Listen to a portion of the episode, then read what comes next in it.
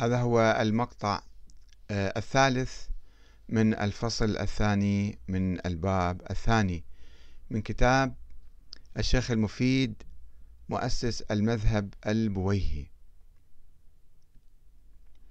ونتحدث الآن عن آه، خلافة الإمام الصادق وأزمة البداء التي عصفت بالشيعة الإمامية في ذلك الزمان.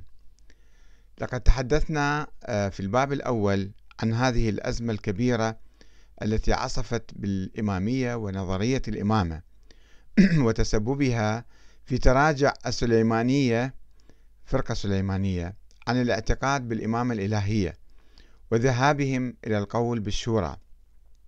وكذلك تسببها في ولادة الفرقة الإسماعيلية التي أنكرت وفاة إسماعيل. وزعمت أن الإعلان عن وفاته كان مسرحية قام بها الإمام جعفر الصادق للتغطية على تهريبه من أنظار السلطات العباسية. وعندما يحاول الشيخ المفيد التخلص من هذه الأزمة وإثبات الإمامة في نسل جعفر الصادق الأحياء عفوا يعترف في البداية باستحالة حدوث البداء في الإمامة الإلهية ويقول جاء الرواية بضد ذلك عن أئمة أهل البيت عن أئمة آل الرسول صلى الله عليه وسلم. فروي أنهم قالوا مهما بدا لله في شيء فإنه لا يبدو له في نقل نبي عن نبوته ولا إمام عن إمامته ولا مؤمن قد أخذ عهده بالإيمان عن إيمانه. ويؤكد المفيد عبثية البداء وتناقضه مع نظرية الإمامة الإلهية لو صح الحديث فيقول إذا كان المعلوم من حاله يعني الأكبر إسماعيل أنه يموت في حياته ولا يبقى بعده فليس يجب ما ادعوه من النص على إسماعيل. لا يجوز واحد ينص عليه إذا يعرف راح يموت بعدين. بل لا معنى للنص عليه. ولو وقع لكان كذبا لأن معنى النص أن المنصوص عليه خليفة الماضي فيما كان يقوم به. وإذا لم يبق بعده لم يكن خليفة فيكون النص عليه حينئذ كذبا لا محالة. وإذا علم الله أنه يموت قبل الأوان وأمره باستخلافه لكان الأمر بذلك عبثا مع كون النص كذبا لأنه لا فائدة فيه ولا غرض صحيح. فبطل ما اعتمدوه في هذا الباب. هو في الحقيقة بدل ما أن يعترف بالواقع ويقول هذا يعني ينقض نظرية الإمامة يحاول أن ينفي أساس البداء يقول أصلا ما حدث بداء. ولا يستطيع بالطبع الشيخ المفيد لا يستطيع تبني قول السليمانية في نسبة الكذب على الله للإمام الصادق في إعلان خلافة ابنه إسماعيل ثم وفاته في حياته.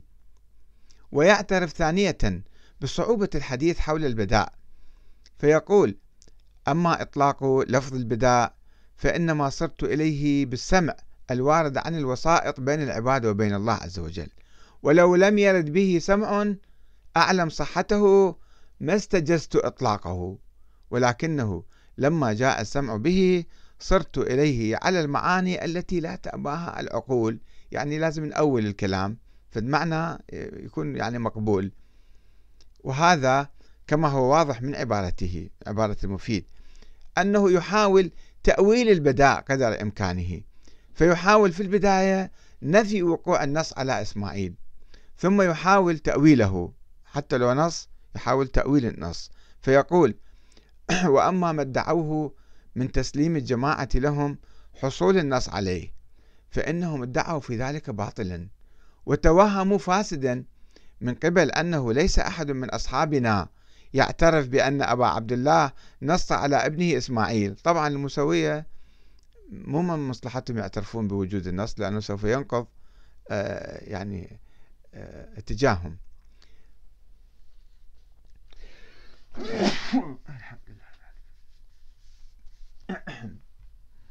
عفوا. آه، ثم يحاول تأويله فيقول وأما ما ادعوه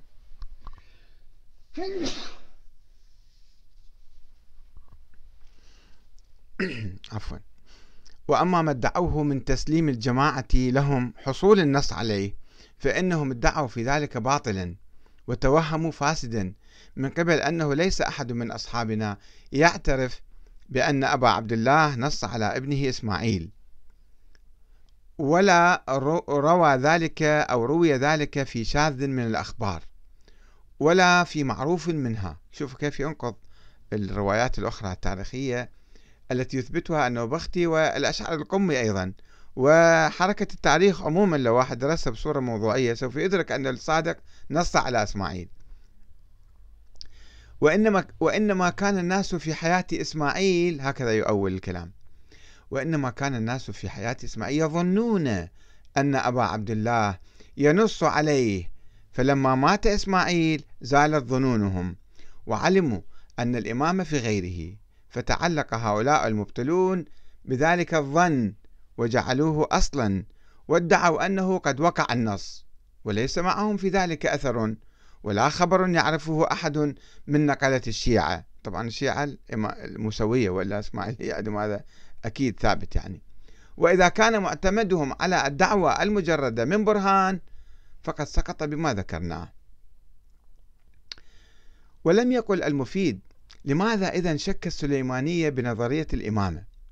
ولماذا تشبث الإسماعيليون بإمامة إسماعيل؟ ولماذا تحدث الإمام الصادق عن البداء؟ وإلا ما كان داعي يقول حدث بداء. ولماذا لم يقل لشيعته مثلا أنا لم أعين إسماعيل إماما بعدي أبدا؟ لماذا قال لهم لا حدث البداء في ذلك؟ ويحاول المفيد أن يؤول حديث البداء تأويلا تعسفيا معتمدا على روايات مختلقة لم يرويها أحد غيره. ويقول فأما الرواية عن أبي عبد الله من قوله ما بدا لله في شيء كما بدا له في إسماعيل فإنها على غير ما توهموه أيضا من البداء في الإمامة وإنما معناها ما روي عن أبي عبد الله أنه قال إن الله تعالى كتب القتل على ابن إسماعيل مرتين. فسألته فيها فسألته فيه فعفى عن ذلك. فما بدا له في شيء مما بدا له في إسماعيل. يعني به ما ذكره من القتل الذي كان مكتوبا مكتوبا فصرفه عنه بمسألة أبي, أبي عبد الله. وأما الإمامة فإنه لا يوصف الله فيها بالبداء. لا يوصف الله فيه بالبداء كاتب هو. على ذلك إجماع فقهاء الإمامية. الإمامية المسوية طبعا وليس الإسماعيلية. ومعهم فيه أثر عنهم أنهم قالوا مهما بدا لله في شيء فلا يبدو له في نقل نبي عن نبوته ولا إمام عن إمامته ولا مؤمن قد أخذ عهده بالإيمان عن إيمانه. ولم يقل المفيد كيف عرف الصادق أن الله قد كتب على إسماعيل القتل مرتين؟ وأنه بدا له في ذلك بعدما سأله الصادق أن يعفو عن ابنه ويصرف عنه القتل. هل نزل عليه الوحي من الله مثلا؟ ثم يحاول المفيد مرة أخرى تأويل البداء تأويلا تعسفيا فيقول إن البداء من الله تعالى هو الظهور فإذا ظهر من أفعاله ما لم يكن في الاحتساب والظنون قيل في ذلك بدا لله في كذا وكذا. وليس البداء من الله تعالى تعقب رأي ولا استدراك فائت ولا انتقال من تدبير إلى تدبير. والمعنى في قوله ما بدا لله في شيء كما بدا في إسماعيل بمعنى ما ظهر له فعل فعل في أحد من أهل البيت ما ظهر له في إسماعيل. وذلك أنه كان الخوف عليه من القتل مستندا والظن به غالبا فصرف الله عنه ذلك بدعاء الصادق ومناجاته له فأماته يعني. وبهذا جاء الخبر عن الرضا علي بن موسى.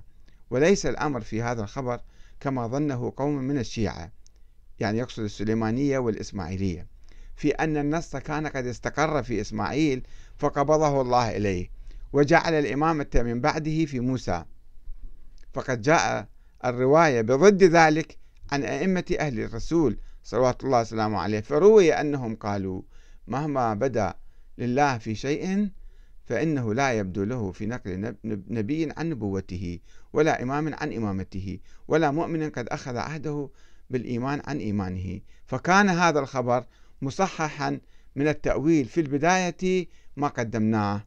يقول هذا يعني يركب مع التأويل اللي إحنا أولناه. ثم يدعي الشيخ المفيد وجود تواتر في النص من الصادق على ابنه موسى بن جعفر بالرغم من عدم وجود أي خبر ولو خبر آحاد على ذلك.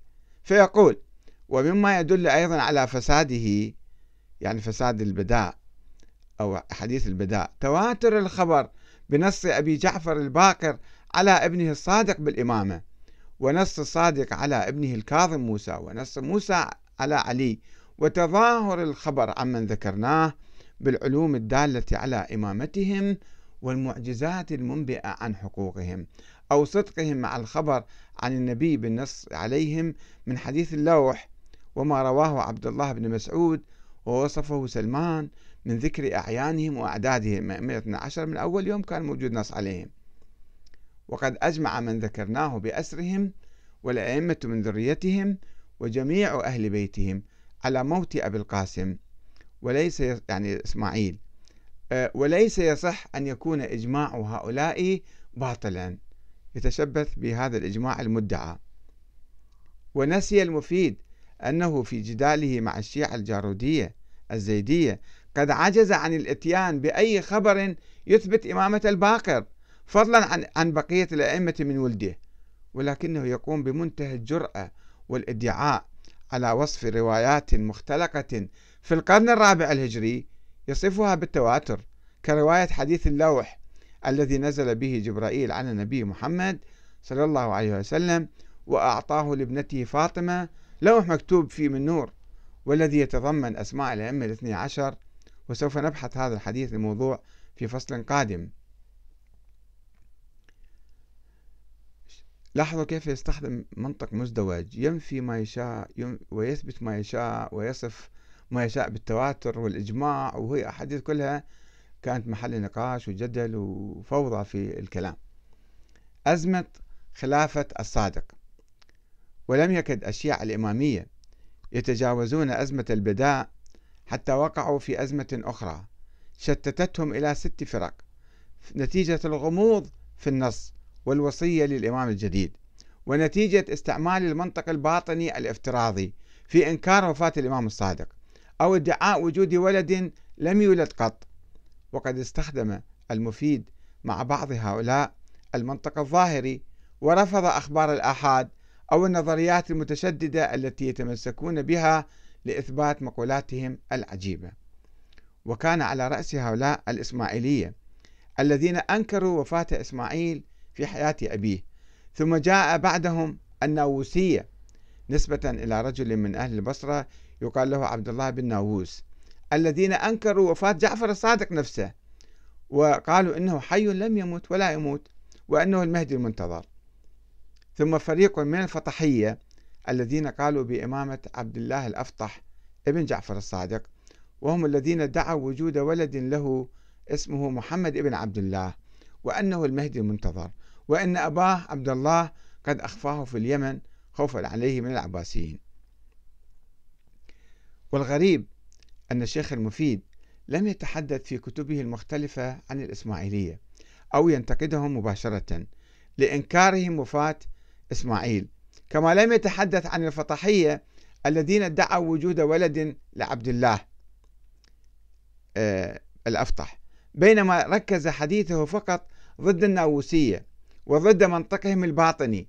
فقال أما الناووسية فقد ارتكبت في إنكارها وفاة أبي عبد الله ضربا من من دفع الضرورة وإنكار المشاهدة لأن العلم بوفاته كالعلم بوفاة أبيه من قبله. ولا فرق بين هذه الفرقة وبين الغلاة الدافعين لوفاة أمير المؤمنين وبين من أنكر قتل الحسين وادعى أنه كان مشبها للقوم.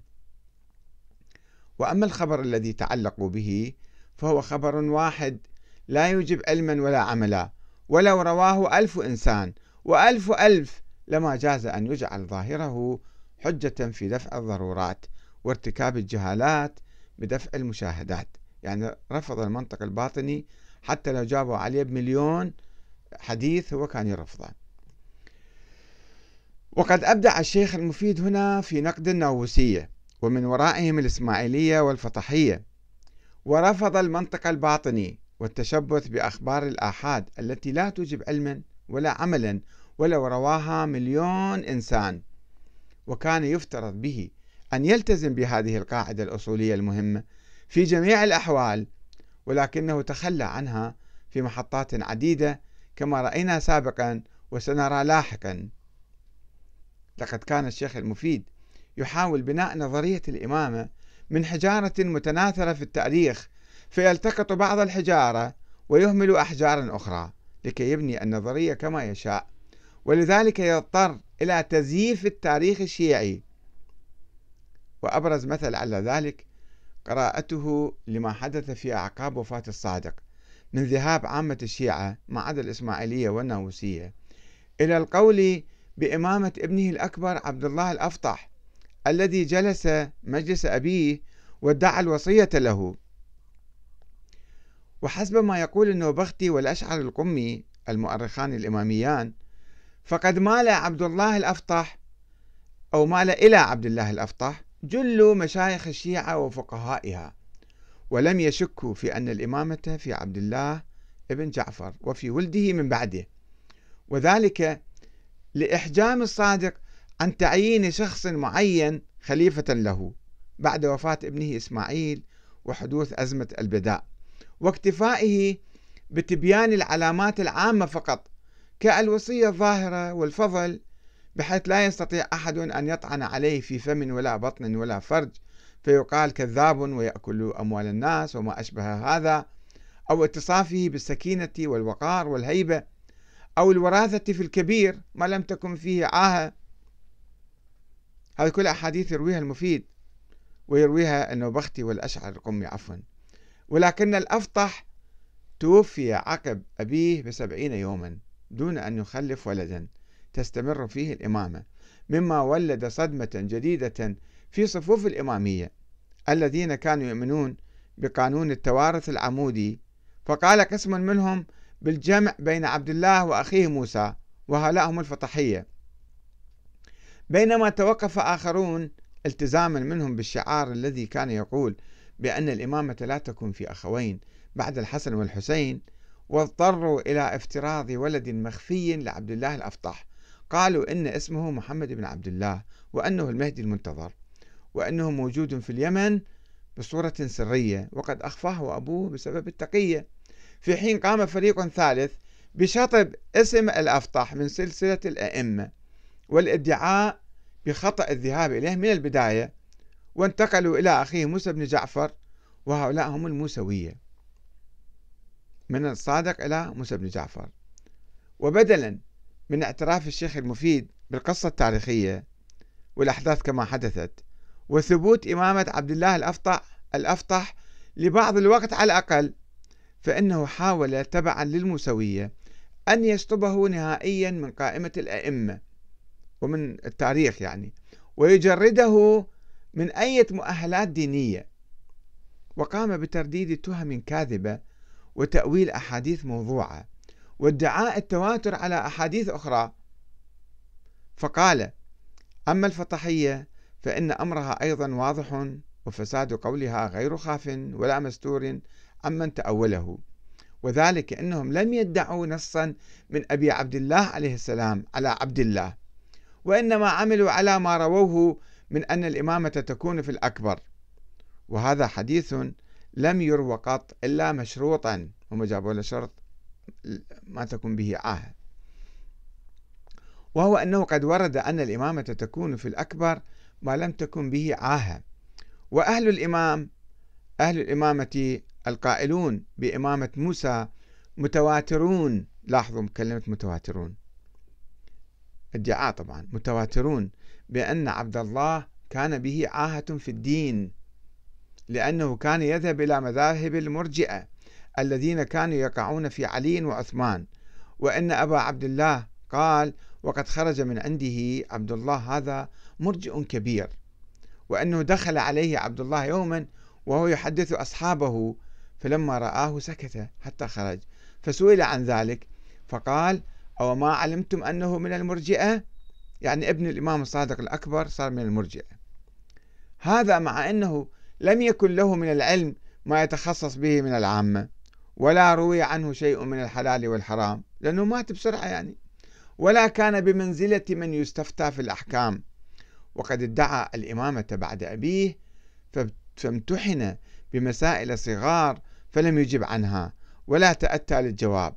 فأي علة أكبر مما ذكرناه تمنع من إمامة هذا الرجل مع أنه لو لم تكن علة تمنع من إمامته لما جاز من أبيه صرف النص عنه ولو لم يكن قد صرفه عنه لأظهره فيه ولو أظهره لنقل وكان معروفا في أصحابه وفي عجز القوم عن التعلق بالنص عليه دليل على بطلان ما ذهبوا إليه.